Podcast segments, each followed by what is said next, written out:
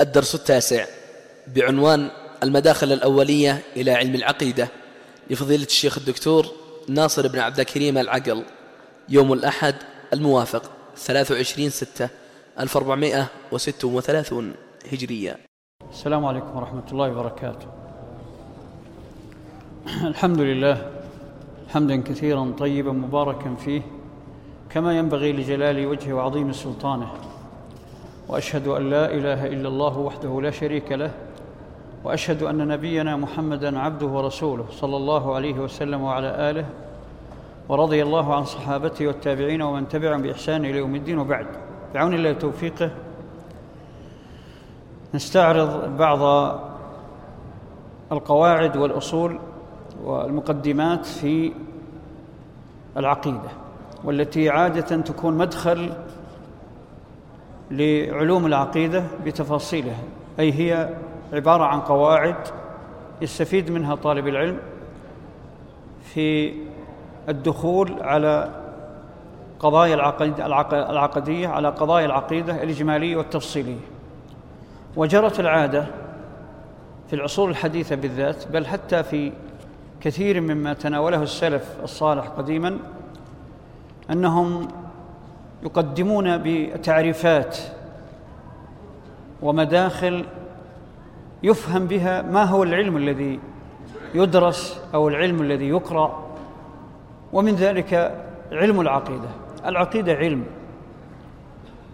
هذا العلم لا بد أن نفهم معناه ونفهم حدوده ونفهم أصوله العامة وقواعده ومصادره وهكذا. فيما يتيسر من الوقت بإذن الله سأتناول أهم هذه الأمور قدر الإمكان. فأول ذلك التعريف. كلمة عقيدة استعملت منذ القرون الثلاثة الفاضلة وليست مشهورة في القرن الأول كسائر المصطلحات كسائر المصطلحات.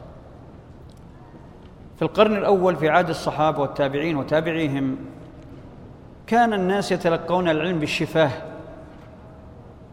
وقل أن يكتب شيء من العلم إلا رسائل يسيرة في القرن الأول.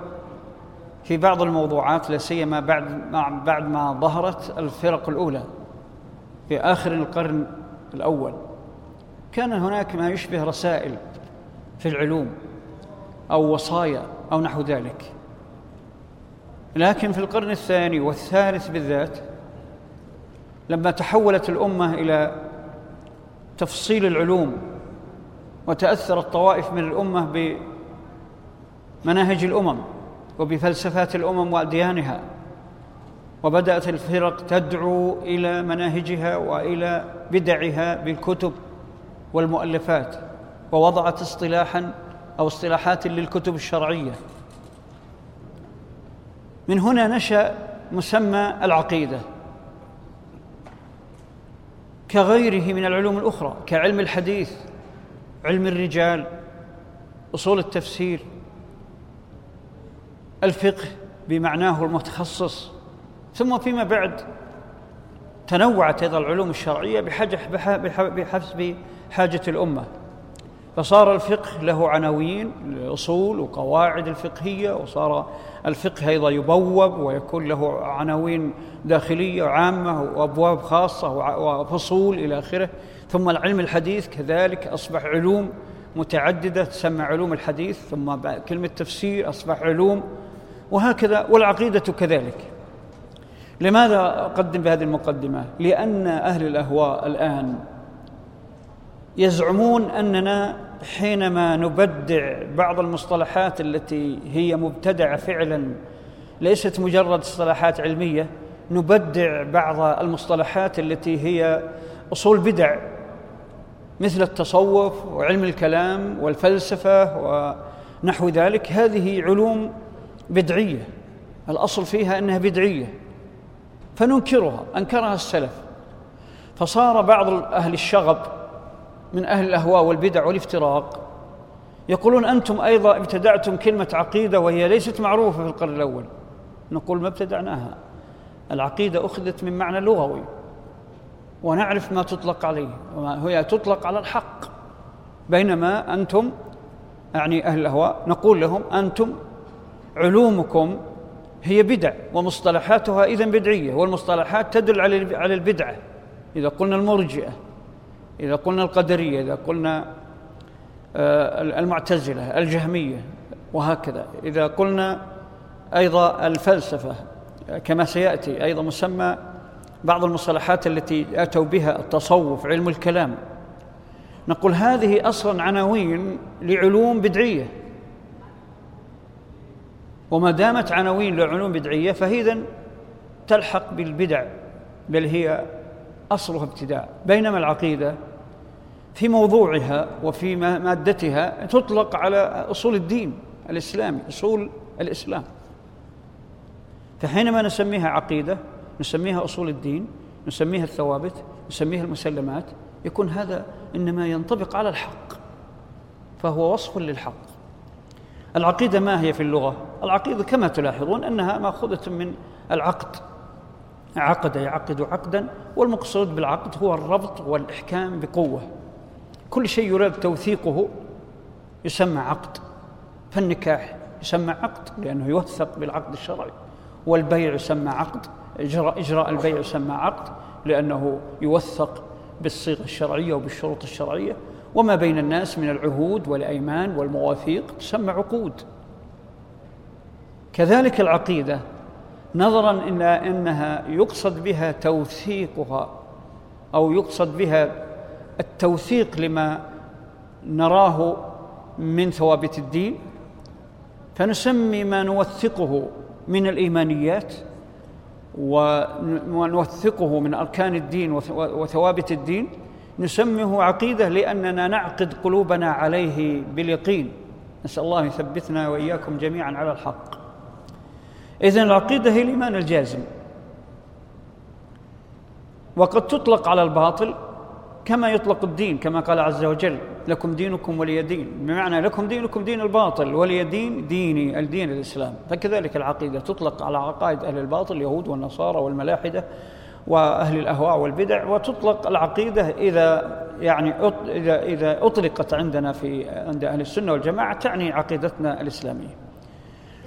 أما العقائد الأخرى فلا بد أن آه، تضاف ما تصح إطلاقها إلا مضافة. نقول عقيدة اليهود عقيدة النصارى عقيدة المعتزلة عقيدة آه، ففي اصطلاحنا نحن أهل السنة والجماعة إذا قلنا العقيدة فإنما نقصد بها ثوابت الحق التي ندين الله بها سواء كانت اعتقادية أو علمية أو عملية أو منهجية.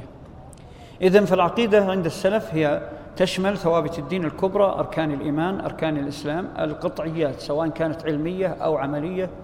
أحسنت. سواء كانت علمية أو عملية أو منهجية. كلمة منهجية هذه أيضا من الأمور التي آه لم تكن تستعمل كثيرا في الصدر الأول وفي القرون الأولى للسلف. لكنها الآن أصبحت من المصطلحات الصحيحة التي نطلقها على المعنى الذي نريده وهذا سأتحدث عنه إن شاء الله بعد قليل. ما معنى المنهج؟ وهل العقيدة مناهج أو منهج واحد؟ إلى آخره مما خاض به بعض طلاب العلم وبعض الباحثين في العصر الحديث. إن شاء الله سيتحرر هذا بعد قليل. إذا فالعقيدة تشمل كل هذا ابتداء من الاعتقاد العملي العلمي والعملي والمنهجي والتعامل والأخلاق إلى آخره. المواقف كذلك في الحياة أمام الحياة ومشاكل الحياة هذه كلها فيها أصول عقدية آه، غير المسائل الاجتهادية التي تدخل في الاجتهاديات اللي هو الفقه والعلوم الأحكام. آه، هما بينهما تداخل. فالعقيدة تدخل في الأحكام والحكام تدخل في الاعتقاد. فأصول الأحكام وشروطها التي يجمع عليه السلف تدخل في العقيدة. والعقيدة أيضا هي هي منطلق الأحكام لكن بينهما من حيث التقسيم التخصصي بينهما بينهما فروق آه، معلومة عند أهل العلم. إذن الإيمان بكل ما ثبت في الدين يسمى اعتقاد ويسمى عقيدة. العقيدة لها إطلاقات وهذا أمر مهم جدا. يعني طلاب العلم كلكم كذلك مهم جدا لأنه هناك إطلاقات سادت وهي خاطئة جدا ولا يليق بل لا يجوز لا يجوز أن تطلق العقيدة. وبدأ بعض طلاب العلم وبعض الباحثين والمفكرين إن صح التعبير وبعض المثقفين يستعملون مصطلحات لعقيدتنا لا تجوز بل تدخلها في الباطل والبدع أو تكون فيها اشتباه وتخليط. والعقيدة ليس فيها تخليط. عقيدتنا ليس فيها تخليط لا في معانيها ولا في مبانيها ولا في مفاهيمها. طبعا العقيدة هي الدين الحق.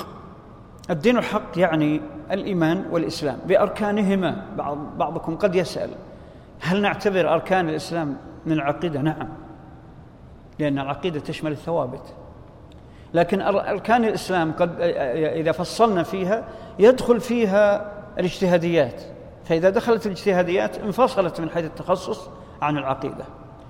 لكن أصول الإسلام الكبرى سواء أركان الإسلام الخمسة أو أركان أخرى ثبتت أصول أخرى ثبتت بالنصوص مثل الأمر بالمعروف والنهي عن المنكر ومثل الجهاد ومثل الولاء والبراء هذه الأصول ونحوها التي تواترت بها النصوص أو أجمع عليه السلف فإنها تكون من العقيدة ولو كانت في باب الأحكام. ولذلك نجد السلف لما رأوا بعض المسائل الشرعية التي هي من باب السنن أنكرت عند بعض الطوائف والفرق مع أن أدل أدلتها قطعية أدخلوها في كتب العقيدة. يعني مثل مسألة على الخفين أو مثل مثل مسألة ترك الغسل والمسح في الوضوء كما تفعل الرافضة أو في مسألة السواك ونحوها من السنن التي وجد من يشكك فيها وهي ثابتة بأدلة قطعية. أدخلها السلف لحماية جماهير الأمة من الوقوع في من فيما أنكره هؤلاء المبتدعة.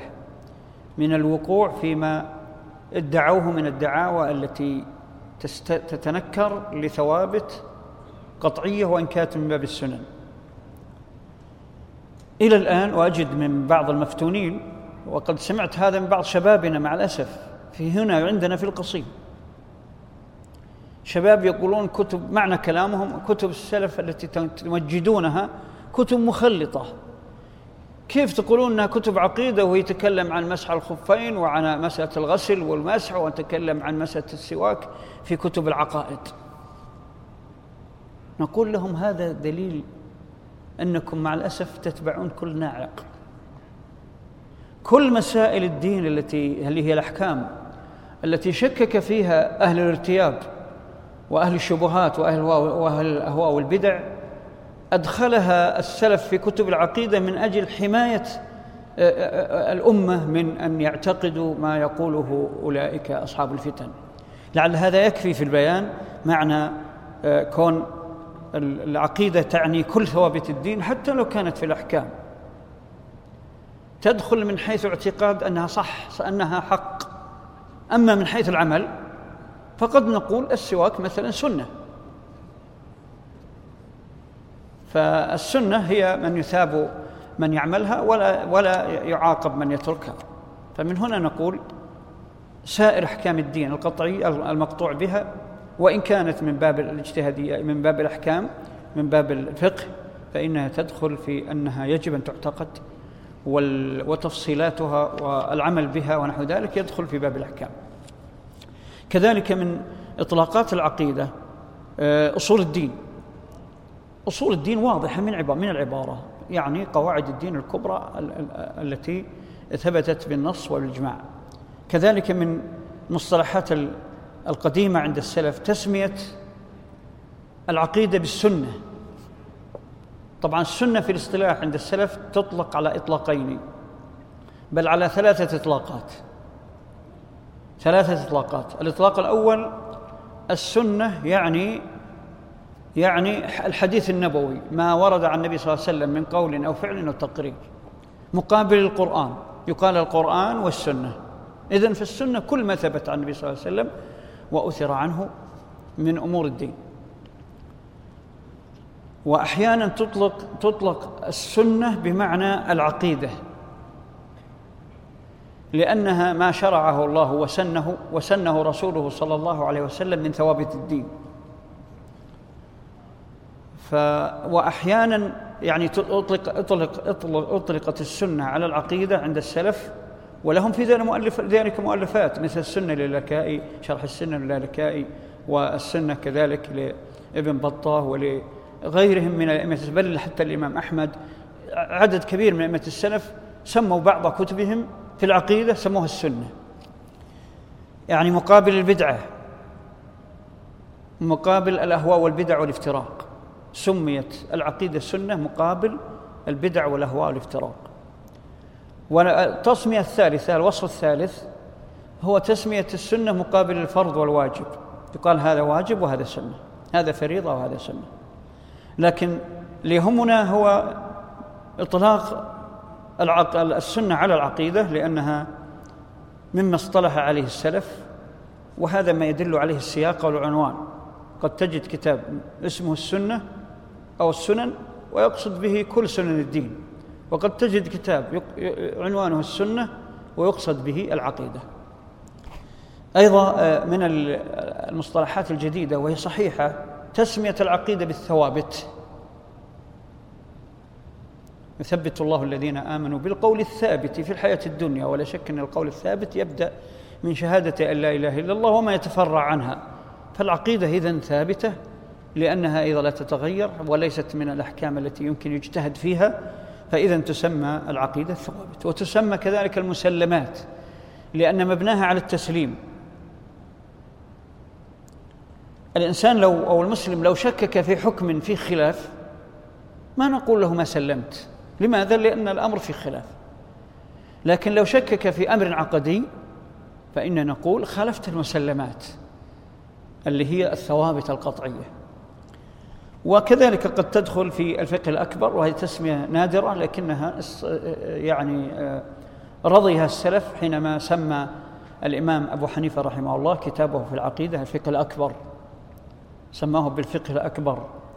فدرج السلف على يعني الرضا بهذا الاصطلاح وإن كان نادر لأنهم على هذا يقسمون الدين إلى فقه أكبر وهو, وهو الثوابت وسمي فقها من باب أنه يجب أن يفقهه المسلم. لا من باب أنه من باب أنه من الأحكام. والفقه الأصغر هو آه، الأحكام لأن مبنى الأحكام على على العقيدة فيسمى العقيدة الفقه الأكبر.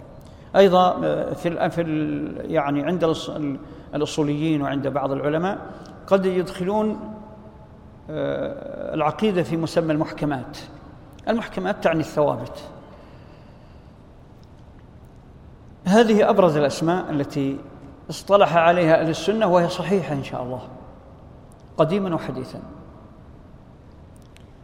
من الأسماء الخاطئة والأوصاف للعقيدة التي يجب أن نتجنبها وأن نحذرها ونحذر منها وننبه من يقع فيها من طلاب العلم. من ذلك تسمية العقيدة فلسفة هذه عليها عدد من الأدباء والمثقفين والمفكرين وكذلك من بعض الإعلاميين وبعض أساتذة الجامعات الذين غالبا يكونون من أصحاب التخصصات غير الشرعية. وكذلك أحيانا مع الأسف بعض الذين يدرسون في التخصصات حتى في العقيدة يتجوزون أحيانا يسمون العقيدة باب الفلسفة لا سيما في تصنيف العلوم. من منكم مثلا يعني طلع على بعض المكتبات خارج المملكة آه، يجد أنهم كثيرا ما يدخلون كتب العقيدة تحت عنوان الفلسفة. تبحث عن كتب العقيدة تجدها في رف الفلسفة. وهذا خطأ حقيقة. هذا متابع المستشرقين والغربيين الذين يجعلون كل ما يتعلق بالديانات والإلهيات وخوضهم في الله عز وجل تخرصاتهم في الدين والفلسفات التي هي مما مما نتج عن الخراصين الفلاسفة يسمونها كلها فلسفة. ما جاء عن النبيين وما جاء عن خصوم النبيين. فهذه خطأ. يجب تجنبه والانتباه له وبدأ يكثر فيما يسمى بثقافتنا اليوم وعند بعض المفكرين والذين يترجمون الكتب. فالعقيدة ليست فلسفة. ومع الأسف أني وجدت مرة وطبعا كتبت للمسؤولين في إحدى الكليات كليات البنات في عنوان الشهادة التي كنت ناقشت في شهادة من الشهادات درجة من درجات العليا كاتبين في يعني ما يسمى بإعلان النتيجة. كاتبين من ضمن مسمى التخصص فلسفة. فكتبت له قلت إحنا ندرس عقيدة وندرس دين أنا وش فلسفة؟ الفلسفة كلام الخرط. تعرف الخرط؟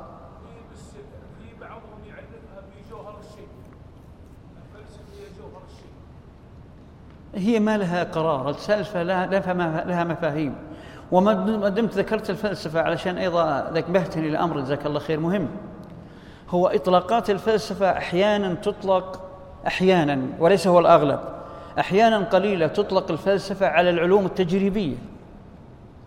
الغربيون كثير منهم يسمون العلوم التجريبية الكيمياء والفيزياء والرياضيات يدخلونها في مفهوم الفلسفة. ليس هذا الذي نذمه ولا علينا ولا يعني ندخل في اصطلاح العلوم. لكن تسمية العقيدة فلسفة هو هذا هو الذي خطأ.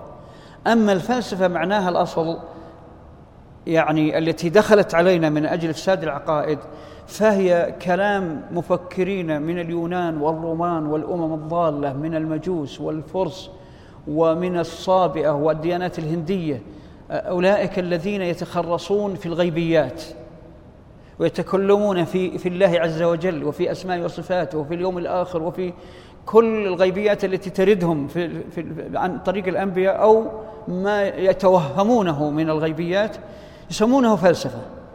وهذا الذي نذمه هذا الذي نذمه. الكلام في الدين بالرأي باختصار الكلام في الدين في الرأي هو الفلسفة. آه، ثم أيضا منهم من يسمي عقيدة التصوف.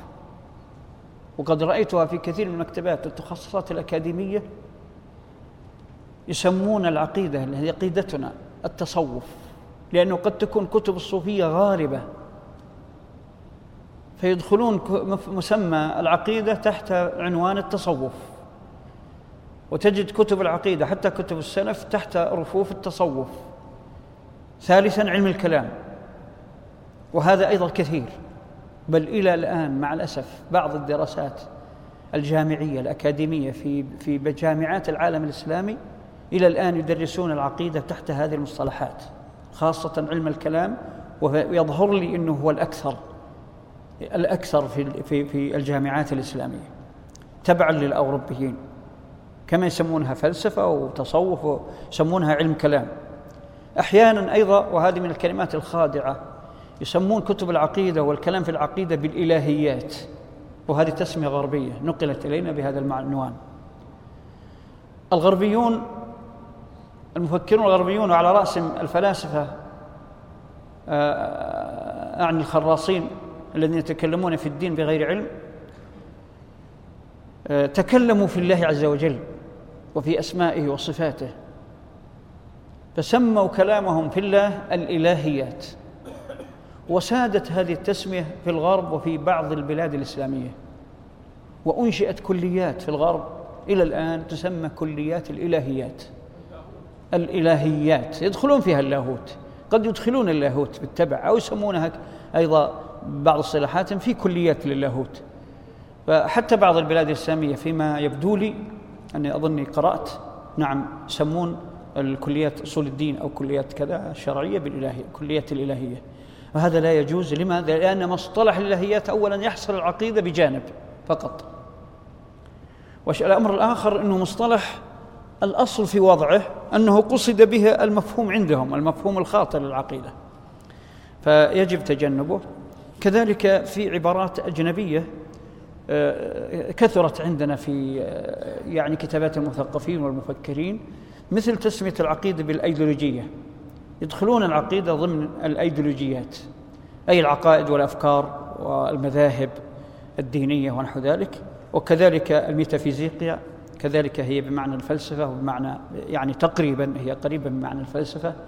هذه المعاني كلها يجب أن نتجنبها ونحذر منها لأنها تدخل في العقيدة ما ليس منها وإلا أنها تلبس على الأجيال. يأتي أجيال يعني يتشربون هذه المعاني مثل ما الآن تشربنا حتى ألفاظ مع الأسف.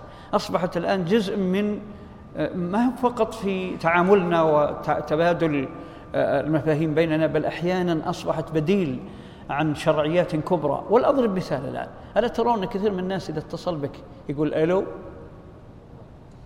طيب وين تحية الإسلام؟ ما, ما الحاجة إلى ألو؟ وأنا أسمحوا لي أني أحيانا ربما أكون يعني إن شاء الله ما هو سوء أدب لكن أحيانا من من يعني شدة الكلمة علي أقول وعليكم السلام بلا ألو. غالبا من قال لي ألو, ألو أقول له وعليكم السلام بلا ألو عشان تسلم ذمتي. إني أقره بألو. هذا في أمر التحية والسلام. فكيف بالمصطلحات الكبرى؟ تتعلق بالدين تتعلق بالعقيدة تتعلق بالمفاهيم الضرورية التي يجب تربى عليها الأجيال.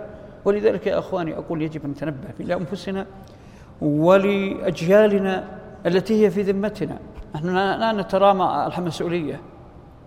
كثير منا يقول المسؤولية على المعلمين والمؤسسات التعليمية العليا والدنيا. واحد منا يقول لا المسؤولية على آه، الإعلام. واحد يقول المسؤولية على المشايخ والدعاة. و... إلى متى ترامى المسؤولية؟ وأنت أيها الأب وأنت أيها الأخ.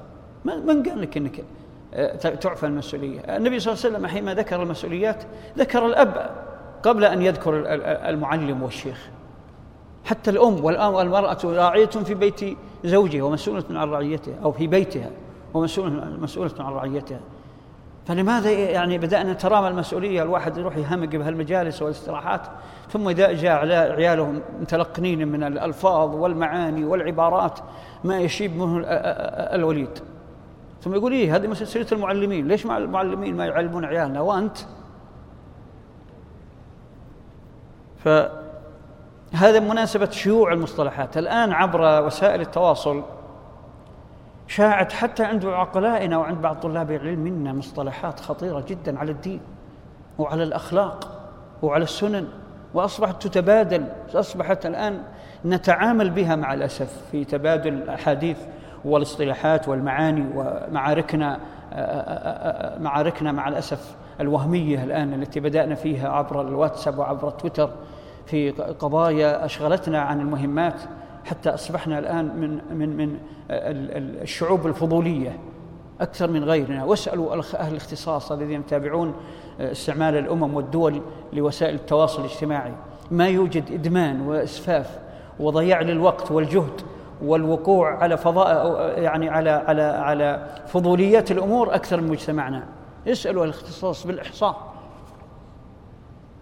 أكثر ما هو فضولي يضيع وقته وجهده في وسائل التواصل الاجتماعي وينسى المهمات وفرائض الدين وواجباته الشرعية والدنيوية هو الشعوب العربيه والإسلامية وعلى رأسها دول الخليج. ونحن السعودية أكثر فضولية في استعمال الوسائل حتى من بقية الدول الخليج الأخرى. أقول اسألوا أهل الاختصاص الذين يتابعون بالاحصاء اذا مثل هذه المفاهيم التي ذكرتها عن العقيده بدأت تسود الآن بدأت تستعمل من قبل بعضنا. فلنتق الله في أنفسنا وفي ديننا وفي أجيالنا ولنحرص على تثبيت الثوابت من خلال المعاني. يا أخوان لا نتساهل بالمعاني ويقول هذه مجرد مصطلحات. المصطلحات هي التي تبني المفاهيم إن صحيحة أو خاطئة. المفاهيم تنبني على المصطلحات. الآن بعض الشباب لو تقول له لا تسمي دينك بالوصف الفلاني علم الكلام؟ قال لي إيش فيهم علم الكلام؟ إيش في علم الكلام؟ لأنه تعود عليها خاصة في الدراسات الأكاديمية العليا. من الأمور التي هي بديهية عندكم لكن لابد عندما نتكلم عن مدخل في العقيدة لابد أن نذكركم بها. العقيدة ما هي؟ عقيدتنا الإسلامية. من نحن؟ نحن أهل السنة والجماعة. ماذا تعني السنة والجماعة؟ ربما كثير منكم أدرك الآن أنه كثير من شبابنا الآن بدأوا يتنكرون للسنة والجماعة ويتنكرون للسلف يتنكرون للدعوة المباركة دعوة الإمام محمد عبد الوهاب ويتنكرون لأجيالنا وآبائنا وأجدادنا الآن بعضهم بشبهات وبعضهم بمنهج. ووجد الآن عندنا يعني توجهات أصبحت فرقة من الفرق التي تعيش في بلدنا من أبناء جلدتنا دخل علينا من استخبارات وأهل البدع وغيرهم من خلال هذه الوسائل فأصبح منا فئة الآن يعني يعيروننا بالتسمي بالسلفية والسلف ويعيرون بالانتماء إلى السلف الصالح ويقولون أنتم حجرتم الدين. أنتم الآن تعاملون الآخرين يعنون أهل البدع والأهواء والافتراق بعدوانية. أنتم الآن تعاملون الفرق الأخرى بإقصائية. تحصرون الدين فيكم أنتم. وهذه الفئة الآن كثيرة جدا خاصة في الأرياف. وقضية وصلت إلى الجهات العليا إلى المفتي وإلى وزارة الداخلية والأمن ووصلت إلى آه، وزارة الشؤون الإسلامية وأصبحت تقارير فيها تقارير تدل على أن هذا النهج يكثر وهو أقرب ما يكون إلى الأحباش من, من إذا كان منكم من يعرف الأحباش. هي فئة متأخرة جاءت قبل عقود قليلة من السنين تمقت السلف والسلفية وأهل السنة والجماعة مدخل دينها السب لأئمة السلف وعلى رأسهم ابن تيمية وابن القيم والإمام محمد الوهاب ويجعلون هذا مفتاح الدخول لدينهم. ما يدخل في دينهم إلا من يسب هؤلاء الأئمة ووجد من شبابنا الآن من يسلك هذا المسلك. ولهم أمكنة ولهم تجمعات ولهم آه، حلقات نقاش يجتمعون فيها. ويسري منهجهم الآن في القرى والأرياف بشكل جماعي منظم. ويزدادون. وصل منهم ناس إلى إلى مراتب وظيفية في الجهات الحكومية في التعليم في الجامعات وفي غيرها. إذا من هم السنة ومن هم الجماعة ومن هم السلف؟ أنا أعرف أنكم تعرفونها لكن ودي أؤصل لأن بعض الشباب إذا يقول من تقصد؟ ما عنده عنده يقين وعنده إن شاء الله يعني ثبات على الحق لكن لو يقال له لماذا تسميتم بالسنة والجماعة؟ ولماذا تميزتم عن فرق الأمة بالسنة والجماعة؟ ومن الذي ميزكم؟ شيوخكم الأوائل والمتأخرين هم الذي قالوا لكم أهل السنة والجماعة وإلا فغيركم أيضا من أهل السنة والجماعة. الأشاعرة سنة والماتريدية سنة والصوفية سنة. ما يقدر يجيب. السنة والجماعة اولا تختلف عن السلفية ويمكن كلاهما حق. السلفية وصف والسنة والجماعة اسم لأهل السنة والجماعة. سماهم به النبي صلى الله عليه وسلم بالنصوص. وأنا أعجم بعض بعض طلاب العلم ما يتنبه لهذه المسألة. إنه تسمية أهل الحق الذين بقوا على منهاج النبي صلى الله عليه وسلم تسميتهم بالسنة والجماعة مبنية على أمر النبي صلى الله عليه وسلم وعلى وصيته. من ذلك قوله صلى الله عليه وسلم في حديث العرباض بن سارية الصحيح المشهور وإنه قال صلى الله عليه وسلم وإنه من يعش منكم بعدي فسيرى اختلافا كثيرا فعليكم بسنتي وسنة الخلفاء الراشدين. ثم قال في أحاديث أخرى أيضا متواترة بمجموعها وعليكم بالجماعة عليكم بالجماعة إن يد الله مع الجماعة إن يد الله على الجماعة ومن من فارق الجماعة مات ميتة جاهلية. إذن وصف السنة وصف الجماعة هو وصف من النبي صلى الله عليه وسلم بل تسمية من النبي صلى الله عليه وسلم لمن بقوا على منهاج النبي صلى الله عليه وسلم والصحابة. و السلفية وصف لغوي ثم أصبح مصطلح لا غبار عليه لأن لكل فئة ولكل دين ولكل جماعة وكل فرقة سلف. والسلف معناه في اللغة الماضي. كل ما مضى فقد سلف. ولذلك نحن حتى عامتنا يسمون القصص الماضية سوالف وسواليف أليس كذلك؟ لأنها سالفة.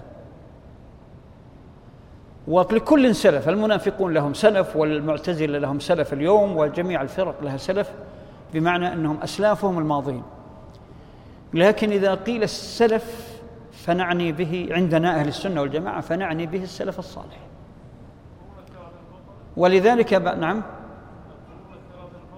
ومن تبعهم. القرون الثلاثة الفاضلة ومن تبعهم إلى يومنا هذا. ولذلك يجوز تقول أنا سلفي من باب أنك على منهج السلف. ولو كنت معاصرا لأنها أصبحت مصطلح. ليس وصف تاريخي فقط. تحولت من كونها وصف تاريخي إلى أن تكون مصطلح على السنة والجماعة الذين هم على منهاج النبوة وأول السلف هو النبي صلى الله عليه وسلم وصحابته والتابعين وأئمة الدين في القرون الثلاثة الفاضلة وعلى رأسهم الأئمة الأربعة. ثم كل من كان على نهجهم إلى يومنا هذا فهو سلفي. فإذا السلف نقول عندنا إذا قلنا السلف مثل ما نقول العقيدة. لا نقصد عقيدة الباطل ولا عقيدة أهل البدع. إذا قلنا العقيدة نقصد بها عقيدتنا عقيدة أهل السنة والجماعة. وكذلك إذا قلنا السلف أطلقناها فإننا نعني السلف الصالح. ولذلك أنا أحبذ كما قال لي أحد العلماء رحمه الله توفي أنه يرغب ويحبذ أن نقول السلف الصالح. طبعا كثير من علمائنا وطلابنا يقولون السلف الصالح. لكن نظرا أن الكلمة تكون من مفردتين. يعني يرخصونها بكلمة السلف ومعناهما واحد فلو استعملت كلمة السلف الصالح يكون أفضل ويعني أنقى للكلمة. طبعا هناك أوصاف لأهل السنة والجماعة مثل أهل الأثر لأنهم على إثر النبي صلى الله عليه وسلم والصحابة. والأثر أحيانا يطلق على الحديث وإن كان إذا إذا آه، ميزنا أو أو جمعنا بين الكلمتين الحديث والأثر فإن نعني بالحديث حديث النبي صلى الله عليه وسلم والأثر أثر السلف. وقد يطلق على الجميع آه، آه، الأثر. أهل أيضا الفرقة الناجية والفئة الفرقة الناجية والطائفة المنصورة أهل الاتباع كل هذه من الأسماء من الأوصاف الحقيقية. من أهم مداخل العقيدة التي يجب أن يعنى بها أهل السنة والجماعة عموما وطلاب العلم أمثالكم على وجه الخصوص هي أن أهل السنة والجماعة يتميزون بأصل عظيم حفظ الله به دينهم وحفظ الله به عقيدتهم وحفظ الله به منهجهم وحفظ الله به جماعتهم عندما يستدلون بالكتاب والسنة وهو ما يسمى منهج الاستدلال.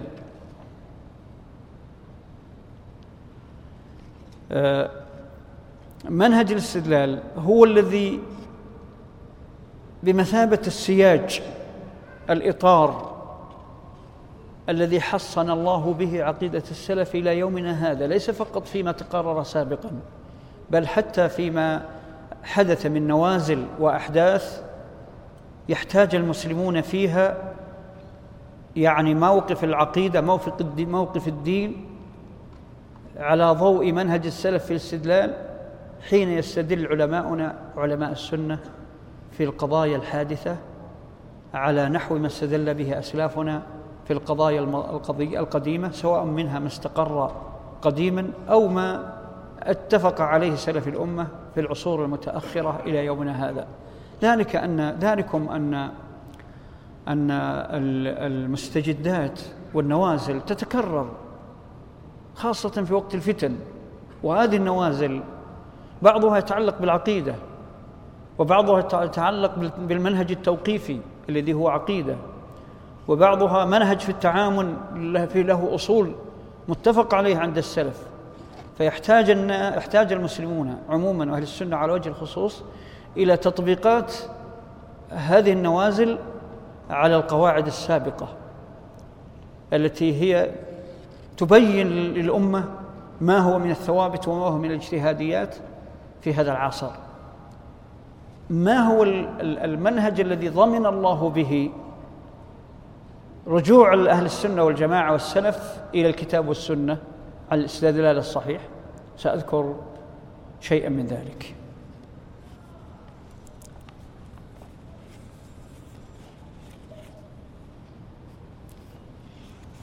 أولا ما هو المنهج؟ كما يعني تعرفون في مثل هذه المداخل نعرف ما هو المنهج وما هو التلقي وما هو الاستدلال. فالمنهج هو النهج ويسمى المنهاج ويسمى المسير والطريق. منه الطريق المستقيم فهو منهاج كما قال عز وجل ولكل جعلنا لكم من شرعة ومنهاجا. المنهاج منهاج الدين عموما والشرعة تدخل فيها العقيدة لكن المقصود بالشرعة أمام العقيدة هي الأحكام. فالمنهاج هو النهج العام أو الطريق العام أو ما نسميه بالمسلك بقواعده وأصوله الذي تسلكه أمة من الأمم في تثبيت دينها, دينها ومصالحها. ومنهاج المسلمين هو هذا الدين بقواعده وأصوله القطعية والاجتهادية. هو كله منهاج. فعلى هذا نعتبر طريقتنا في الاستدلال منهج لأنه يقوم على قواعد. ما هو هذا المنهج في الاستدلال؟ على القضية على العقيدة أولا ثم على بقية أمور الدين.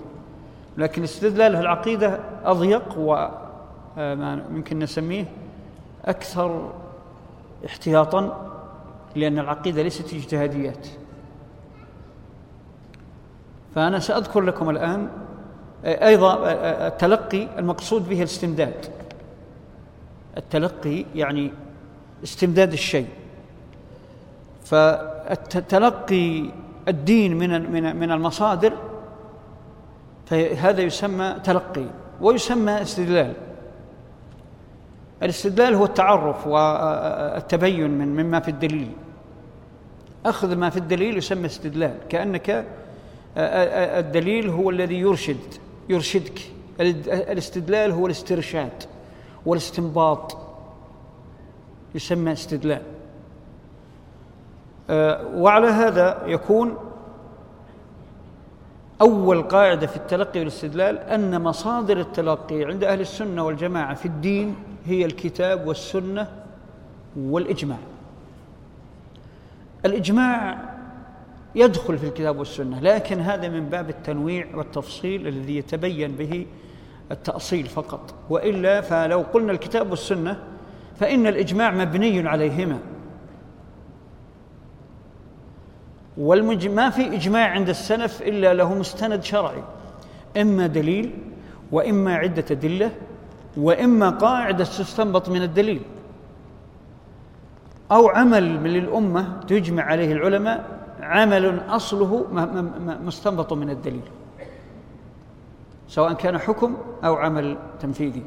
فإذا مصادر الحق عندنا مصادر الدين مصادر العقيدة الكتاب والسنة والإجماع. ولو قلت الكتاب والسنة لجاز لأنه يعرف عند أهل العلم أن الإجماع مبني عليهما. آه ذلكم أن الله عز وجل حينما أكمل الدين أعطانا وسائل الاستنباط من الدين ولمن نرجع وهم العلماء إلى آخره. أولا أهل السنة والجماعة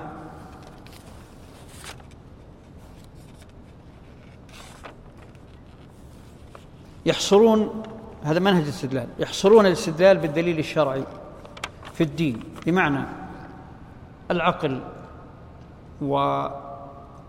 والمقاييس المادية عند الناس والظنون والأوهام وما يسمى الكشف والذوق وهذه كلها منها ما هو وسيلة لفهم الدين وهو العقل والفطرة. ومنها وما هو باطل.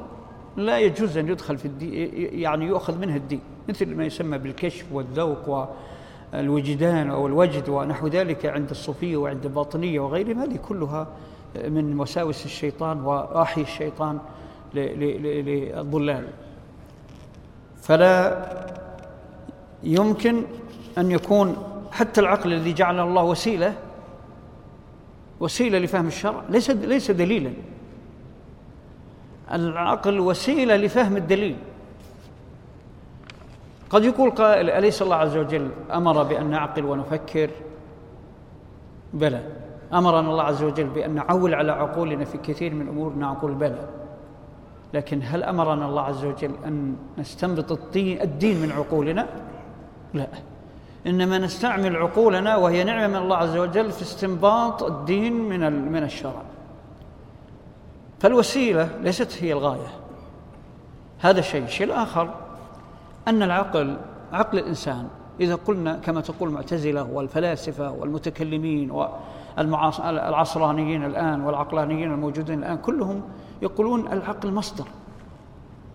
نقول لماذا ما لماذا مصدر؟ يقولون لأن الدين لا يفهم إلا بالعقل. نقول هذا تناقض. قلتم لا يفهم إلا بالعقل. إذن هناك وسيلة لفهم الدين من مصادره اسمها العقل. فالوسيلة لا تطغى على الغاية. قد يقولون إن الله عز وجل أمرنا بأن نعقل ونفكر في السماوات والأرض ونستدل على وحدانية الله عز وجل وكماله وجلاله سبحانه من خلال مخلوقاته. نفكر في أنفسنا.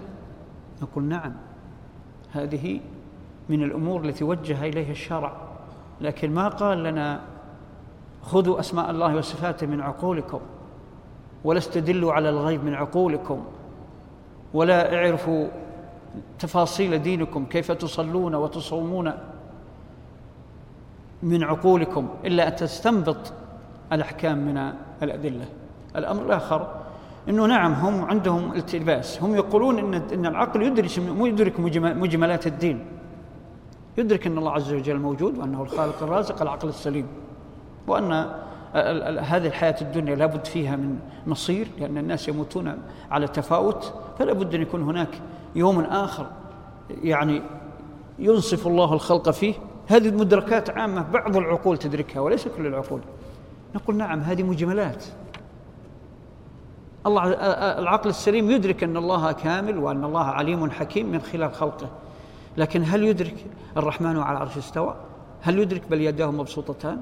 هل يدرك أن الله يغضب ويرضى على النحو الذي ورد في النصوص؟ هل يدرك أكثر صفات الله والأخبار عن الله على جهة التفصيل. المجملات لا تكفي. الله تعبدنا بما أنزله إلينا وكثير مما أنزله الله علينا تفاصيل لا يمكن أن تصل إليها العقول لمجرد العقول. ثم لو عولنا للعقول. أنا أسألكم وأدعكم تجاوبون. هل العقول تستوي؟ هل تتفق؟ كل واحد مع عقله ولا يمكن يخضع للآخر. لو بقول لك توقف يا أخي اصبر لا تفكر إلا بعقلي. أي خاطرة ترد عندك؟ خلني أفكر لك فيها. تطيع؟ يمكن أيضا. فإذا التعويل على العقول نوع من ما نسميه بالأوهام و يعني ما يسميه بال بالخرافة خرافة فعلا. التعويل على العقل خرافة. العقل كريم أكرمه الله والعقل يعني السليم نعمة من الله لكنه وسيلة ودليل على الشرع ليس هو البديل عن الشرع. هذه مهمة. لأنه كثر الآن دعاوى آه، آه، يعني العقليات والرأي والرأي الآخر يقول يا أخي أنت ما تلزمني هذا رأيي. طيب هذا الدين ما في رأي القطعي أنت ممكن يكون لك رأي في الاجتهاديات إذا كنت أيضا تملك الاجتهاد. لكن نرى اليوم الآن صاروا يخبطون في القضايا العقدية وفي النوازل الكبرى وكل له رأيه ولا يطيع الآخر ويسب رأيه للدين. وويلك تخالفه أيضا؟ تعتبر أنت يعني إقصائي لا تعرف تتعامل لا تعرف النقاش مع الآخرين. حينما تقول للناس اتقوا الله هذه أمور دين هذه أمور شرع لا يجوز تناولوها إلا بعلم. والله عز وجل يقول له ولا تقفوا ما ليس لك به علم إن السمع والبصر والفؤاد كل أولئك كان عنه مسؤولا. والله عز وجل قال جعل الكلام على الله بغير علم. قرين الشرك من الكبائر الكبرى. بل ما الشرك إلا قول على الله بغير علم؟ ومع ذلك تجد الناس مع الأسف كثير من شبابنا الآن يخوضون بأهم القضايا وقضايا الدين الخطيرة ويجعلون هذا رأي ورأي آخر. هذه فتنة جاءتنا عبر الإعلام وعبر آه، آه، المثقفين الذين لا يعون دينهم وبعض أيضا الإعلاميين المرجفين وبعض الغزاة الذين غزونا في عقولنا وأفكارنا من خلال هذه الوسائل وخلال الإعلام. أصبح هناك يعني مخاض خطير عند شبابنا الآن. لا يفرقون بين ما بين ما يتكلمون به ولا وما لا يتكلمون به. وأنا أقول نعظهم يا إخوان بانه ليس فقط أمور الدين لا يتكلمون فيها إلا الرجوع إلى أهلها أو من يملك الاستدلال. بل حتى أمور الدنيا أنهانا الله عن القول فيها بغير علم.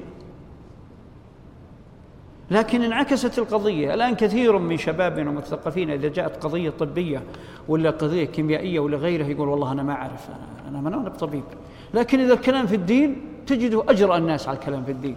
يتورع عن الكلام في الطب والهندسة والكيمياء وغيرها لأنه يعرف أنه ما يعرف لكن الشيطان استهواه وصار يتكلم بالدين الذي يقولون على الله بغير علم وأعظم من الكلام في الأمور الدنيا.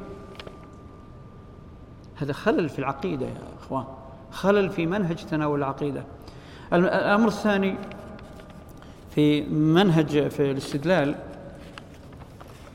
آه، مراعاة قواعد الاستدلال بمعنى الجمع بين الأدلة أولا.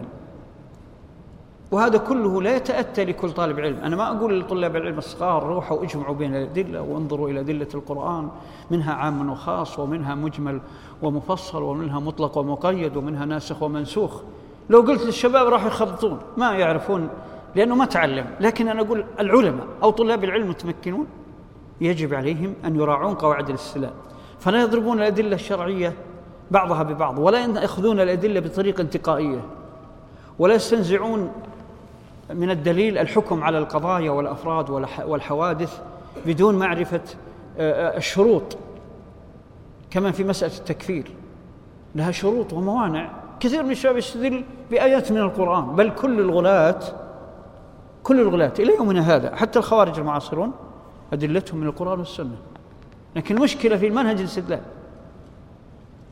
هو منهج الخوارج الأولين تماما يأخذ الآية بمفردها وقد يكون الحكم في هذه صحيح لكن تطبيق الحكم على الشخص قد يكون بعيد عما حكم به لا سيما التكفير.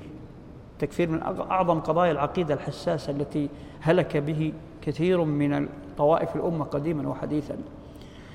أقول ليس من كل من استدل بدليل من القرآن والسنة على حال من أحوال الناس اليوم أو ممارسات يمارسها المسلمون أو المنتسبين للمسلمين أفراد وجماعات ودول وفرق وعلماء. ليس كل ما دل الدليل على أنه كفر صريح يكفر به صاحبه بل أغلب ما وقع به المسلمون قديما وحديثا من الكفريات لا يكفرون به لأن هناك ما يسمى بالتأول والإكراه والجهل والاشتباه والخطأ يعني الخطأ اللي هو العمل غير المقصود والضرورات. كلها الآن خاصة في هذا العصر وعصور الفتن تلجئ أصناف من المسلمين وأفراد المسلمين ودول وحكومات وجماعات وفرق وعلماء تلجئهم أحيانا إلى أن يقول قولا أيفعل فعلا هو صريح الكفر كما حدث في عهد النبي صلى الله عليه وسلم من آه، ذي الخويصرة ومن آه، آه، كثير من من أفراد الصحابة والذين تكلموا في غزوة تبوك وكان النبي صلى الله عليه وسلم والصحابه يتورعون عن التكفير، النبي صلى الله عليه وسلم كان يتوقف في كثير ممن وقعوا في الكفريات مثل حاطب بن أبي بلتع وغيرهم يتوقف حتى يتبين له الأمر إما عند التثبت والتبين من حال الشخص كما حصل من حاطب حينما سأله النبي صلى الله عليه وسلم وتبين له أنه لا يقصد يعني إذلال الإسلام والمسلمين إنما كان له قصد عن هوى فلم يكفره. بل نفى عنه التفك... الكفر. وكذلك في ذي الخويصرة ذمه النبي صلى الله عليه وسلم مع أنه قال كفرا. يعني وصف النبي صلى الله عليه وسلم بأنه لا يعدل. هذا من أعظم الكفر. ولم يصرح بكفره. وكذلك في عهود القرون الثلاثة الفاضلة على سبيل المثال تواجه السلف كفريات خاصة في عهد المأمون والمعتصم والواثق. فإنهم واجهوا كفريات حقيقية واجه الأئمة منهم الإمام أحمد. جحافل الكفر الكبار اللي هم رؤوس المعتزلة. ولم يكفر الإمام أحمد منهم إلا ما قيل عنه أنه كفر آه، آه، كفر ابن أبي دؤاد. ثم قيل أنه عدل عن ذلك لما مرض ابن دؤاد وقيل أنه أيضا كفر المأمون وهذا لا يثبت إلى آخره. لكن هذه الجحافل أئمة الكفر الذين هم بالآلاف لم يكفرهم السلف. حدثت مثلا في عهد الحروب الصليبية في عهد الدويلات المماليك لما كثرت الدويلات وبدأ دويلات المسلمين يقتل بعضها بعضا ويتنازعون على الملك. أحيانا بعضهم يساعد الصليبيين على ملك آخر أو يستعين بالصليبيين على أخيه. ما أعرف أن أئمة السلف ركضوا وتسابقوا إلى تكفير هؤلاء لأنهم يعلمون هذا عن هوى وليس عن تحطيم للدين أو حرب للدين. وهذه أمثلة كثيرة جدا. وأعود وأقول يندر وأنتم طلاب علم اللي يجد شيء مما يعني خلاف ما أقوله يرشدني. فأنا أستغفر الله وأتوب إليه من كل خطأ. يندر من علمائنا القدامى والمعاصرين أنهم يكفرون إلا في حالات لا بد منها وتقوم الحجة وتثبت مع وقوع الكفريات. ما أقول ينفون الكفر يعترفون هؤلاء العلماء من السلف إلى يومنا هذا أن فلان أو الملك الحاكم فلان أو حتى العالم فلان أحيانا وقع في كفر صريح ومع ذلك لا يكفرونه. لأنه يحتمل الإكراه يحتمل التأول يحتمل الاشتباه يحتمل الخطأ غير المقصود بل يحتمل الهوى أحيانا في بعض الجزئيات. الهوى الشامل كفر لكن الهوى في بعض الجزئيات. فيجب أن نتنبه لهذا لأنه وقوع الكفر نتيجة الخلل في الاستدلال. وهذا ما أردت أن أنبه عليه بالضرورة. فمثلا أيضا بل من قواعد الاستدلال أن يرد القرآن إلى القرآن إذا جاءت آية في أي أمر من أمور الدين. لا تأخذها لمجرد أن تقرأ الآية من أولها إلى آخرها أو مقطع من الآيات. لأن القرآن يفسر بعضه بعضا منه متشابه ومنه محكم. وأيضا المحكم كذلك يرجع بعضه إلى بعض المتشابه كذلك أحيانا يكون تشابهه ليس التشابه المشكل إنما التشابه في النظم ونحو ذلك. المهم القرآن يفسر بعضه بعضا قد تجد آية مجملة في آية أخرى تفصلها آية محكمة يعني يعني عامة تجد آية أخرى تخصصها قد تجد آية منسوخة هناك آية ناسخة لها. هناك آيات فسرها النبي صلى الله عليه وسلم على نحو غير ما على غير ما يظهر لنا من القراءة. فارجع إلى تفسير النبي صلى الله عليه وسلم. وقد فسر القرآن كله. الصحابة فسروا القرآن. حتى في النوازل التي وقعت بعد النبي صلى الله عليه وسلم الصحابة فسروا القرآن وفسروا السنة. فلا بد من الرجوع. أيضا كثير من الآيات التي فيها اشتباه على هؤلاء الذين يكسرون حواجز الاستدلال. وقواعد الاستدلال يجدون كثير من الآيات لها أسباب نزول. أسباب النزول تحدد المعنى من الآية والمطلوب من الآية. والآن كثير من الفرق والجماعات أهل الغلو وأهل التميع واللبرلة والعلمانية الذين يزعمون أنهم يردون للقرآن على نحو يعني عقلاني يستدلون بالقرآن خبط ولبط على شكل لا يمكن حتى الذوق العربي وفهم العربية لا ينسجم معه. مثل الذي استدل قبل كم سنة بقوله عز وجل إن الذين آمنوا والذين هادوا والنصارى والصابئين من آمن منهم بالله, واليوم الآخر وعمل صالحا فلهم أجر أجرهم عند ربهم ولا خوف عليهم ولا هم يحزنون. يقول هؤلاء هؤلاء اليهود والنصارى والصابئة. إذن كلهم مسلمين. شوفوا كيف الاستدلال. ما عرف أن الآية جاءت في سياق الذين كانوا يهودا على دين موسى. ولم يغيروا والذين كانوا نصارى على دين عيسى ولم يغيروا والذين كانوا صابئة على دين الحنيفية أو يحيى بن زكريا على خلاف ولم يغيروا. هؤلاء هم الذين وعدوا بالجنة. أما بعد مبعث النبي صلى الله عليه وسلم فقواطع الدين والأدلة القطعية في القرآن وفي السنة والإجماع على أنه بعد النبي صلى الله عليه وسلم لم يبقى منهم ما إذا ما كان أسلم إلا وهو من أهل النار كافر. والنبي صلى الله عليه وسلم يقول في الحديث الصحيح والذي نفسي بيده. هذا في مسلم وفي ألفاظ أيضا في الحديث كله صحيح. والذي نفسي بيده لا يسمع بي رجل من هذه الأمة ثم لا يؤمن بي إلا دخل النار. شوف هذا رويبضة إعلامي كتب بالإعلام قبل سبع سنوات ورد عليه وصارت قضية وفتن فتن بعض الشباب إلى اليوم. أنا سألني مرة معلم معلم تربية إسلامية بعدما خاض الناس في وسائل الإعلام بهذه بهذه الشبهة التي ألقاها في عقول الأجيال. معلم تربية إسلامية. قال لي همسا في مجلس في كث عدد من المعلمين. يقول لي هل النصارى أو, أو هل كل النصارى كفار؟ يعني المعاصرين. شوفوا انخض وهو معلم تربية إسلامية. فكيف بشبابنا الذين ما عندهم رسوخ في العلم؟ وأنا كنت أسأل بعد ما أثيرت هذه القضية أحيانا الشباب في نسيت أوصوني الإخوان أني أسأل عن بعض بعض الأسئلة. آه، في الجامعة أحيانا أسأل أتلو هذه الآية وأقول للشباب ما جوابكم؟ أجدهم موقنين بأن أن الدين هو الإسلام لكن ما عندهم جواب. ما عندهم جواب على الشبهة هذه. ثم أيضا من منهج الاستدلال الإيمان بكل ما صح من الأدلة. لا نفرق بين آه، تواتر وآحاد ما دام صح. أيضا نعتمد تفسير الصحابة. آه، ثم أيضا نعتمد تفسير أئمة السلف آه، للنصوص سواء كان في العقيدة أو في نتجنب الألفاظ البدعية نتجنب المراء والخصومات في نشر الدين لا تعارض بين العقل السليم ولا نتجنب التأويل الذي لا بساغ له إلا بدليل وهكذا. هذه أهم قواعد الاستدلال التي يجب على المسلم أن أو أهل السنة شباب السنة وعموم المسلمين أن يراعوها في آه، يعني استدلالهم على قضايا الدين لا سيما القطعيات والعقيدة.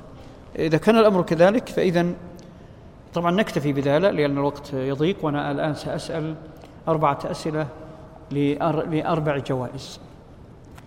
آه، السؤال الأول ما معنى العقيدة في ما شاء الله أنت بادرت في رفع إصبعك فنعم تفضل. اسمحوا لي البعيدين أحيانا ما نعم. طيب من إيش؟ من العقد. أحسنت يستحق الجائزة الأولى. طيب الأمر الآخر آه السلفية. هل هي اسم أو وصف من أوصاف أهل السنة والجماعة؟ نعم الأخ المتكي أبو شماغ نعم. أيوة. تفضل. ها؟ وصف. لماذا هي وصف؟ أنا ما قلت يمكن ما قلت لماذا هو وصف لكن ودي تستنبط. لماذا ما قلنا هي اسم؟ طيب هل سمانا النبي صلى الله عليه وسلم بالسلف؟ أيوة. من هنا تكون وصف. طيب تفضل أيضا الجائزة الثانية. من بيناول الجوائز؟ واحد يقوم يحتسب يوزع جوائز. طيب. آه ذكرنا في قواعد الاستدلال قلنا إنه آه الأدلة عندنا ممكن تكون اثنين أو ثلاثة. ما الاثنان وما الثلاثة؟ نعم نعم لانك أيوه تفضل أنت. ها؟ لا أنت أنت أنت المتكلم.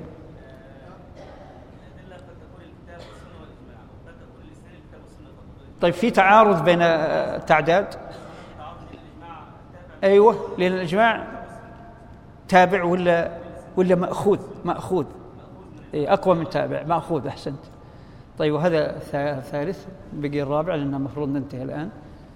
آه، طيب قلنا إنه الحديث عن النبي صلى الله عليه وسلم أنا ما فصلت فيها لكن مررت عليها مرور واضح.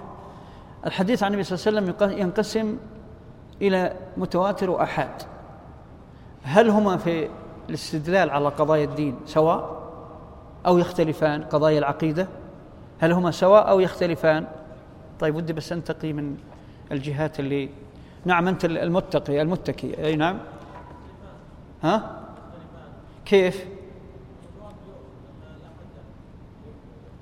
يعني في العقيدة بالذات هل الاستدلال بالمتواتر والاستدلال بالأحاد على حد سواء إذا صح؟ إذا صح الحاد؟ دلالته مثل دلالة المتواتر؟ جازم أنت؟ جازم مرة ثانية. صحيح لا هو صادق. بس أنه كان مرتبك أول الأمر فحببت أن أتتبه يستحق الجائزة. هذا وأسأل الله لي ولكم التوفيق والسداد. نسأل الله عز وجل أن يقينا شر الفتن ما ظهر منها وما بطن وأن ينصرنا على أعداء الدين وعلى الظالمين. نسأل الله عز وجل أن يجمع كلمتنا جميعا بعلمائنا.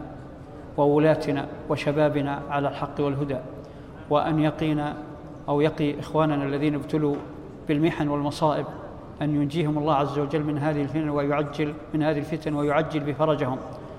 اللهم يا ربي يا منزل السحاب يا هازم الأحزاب اهزم كل من حارب الدين وكل من حارب أهل السنة والجماعة في كل مكان. اللهم صل وسلم وبارك على نبينا محمد وعلى آله وصحبه أجمعين.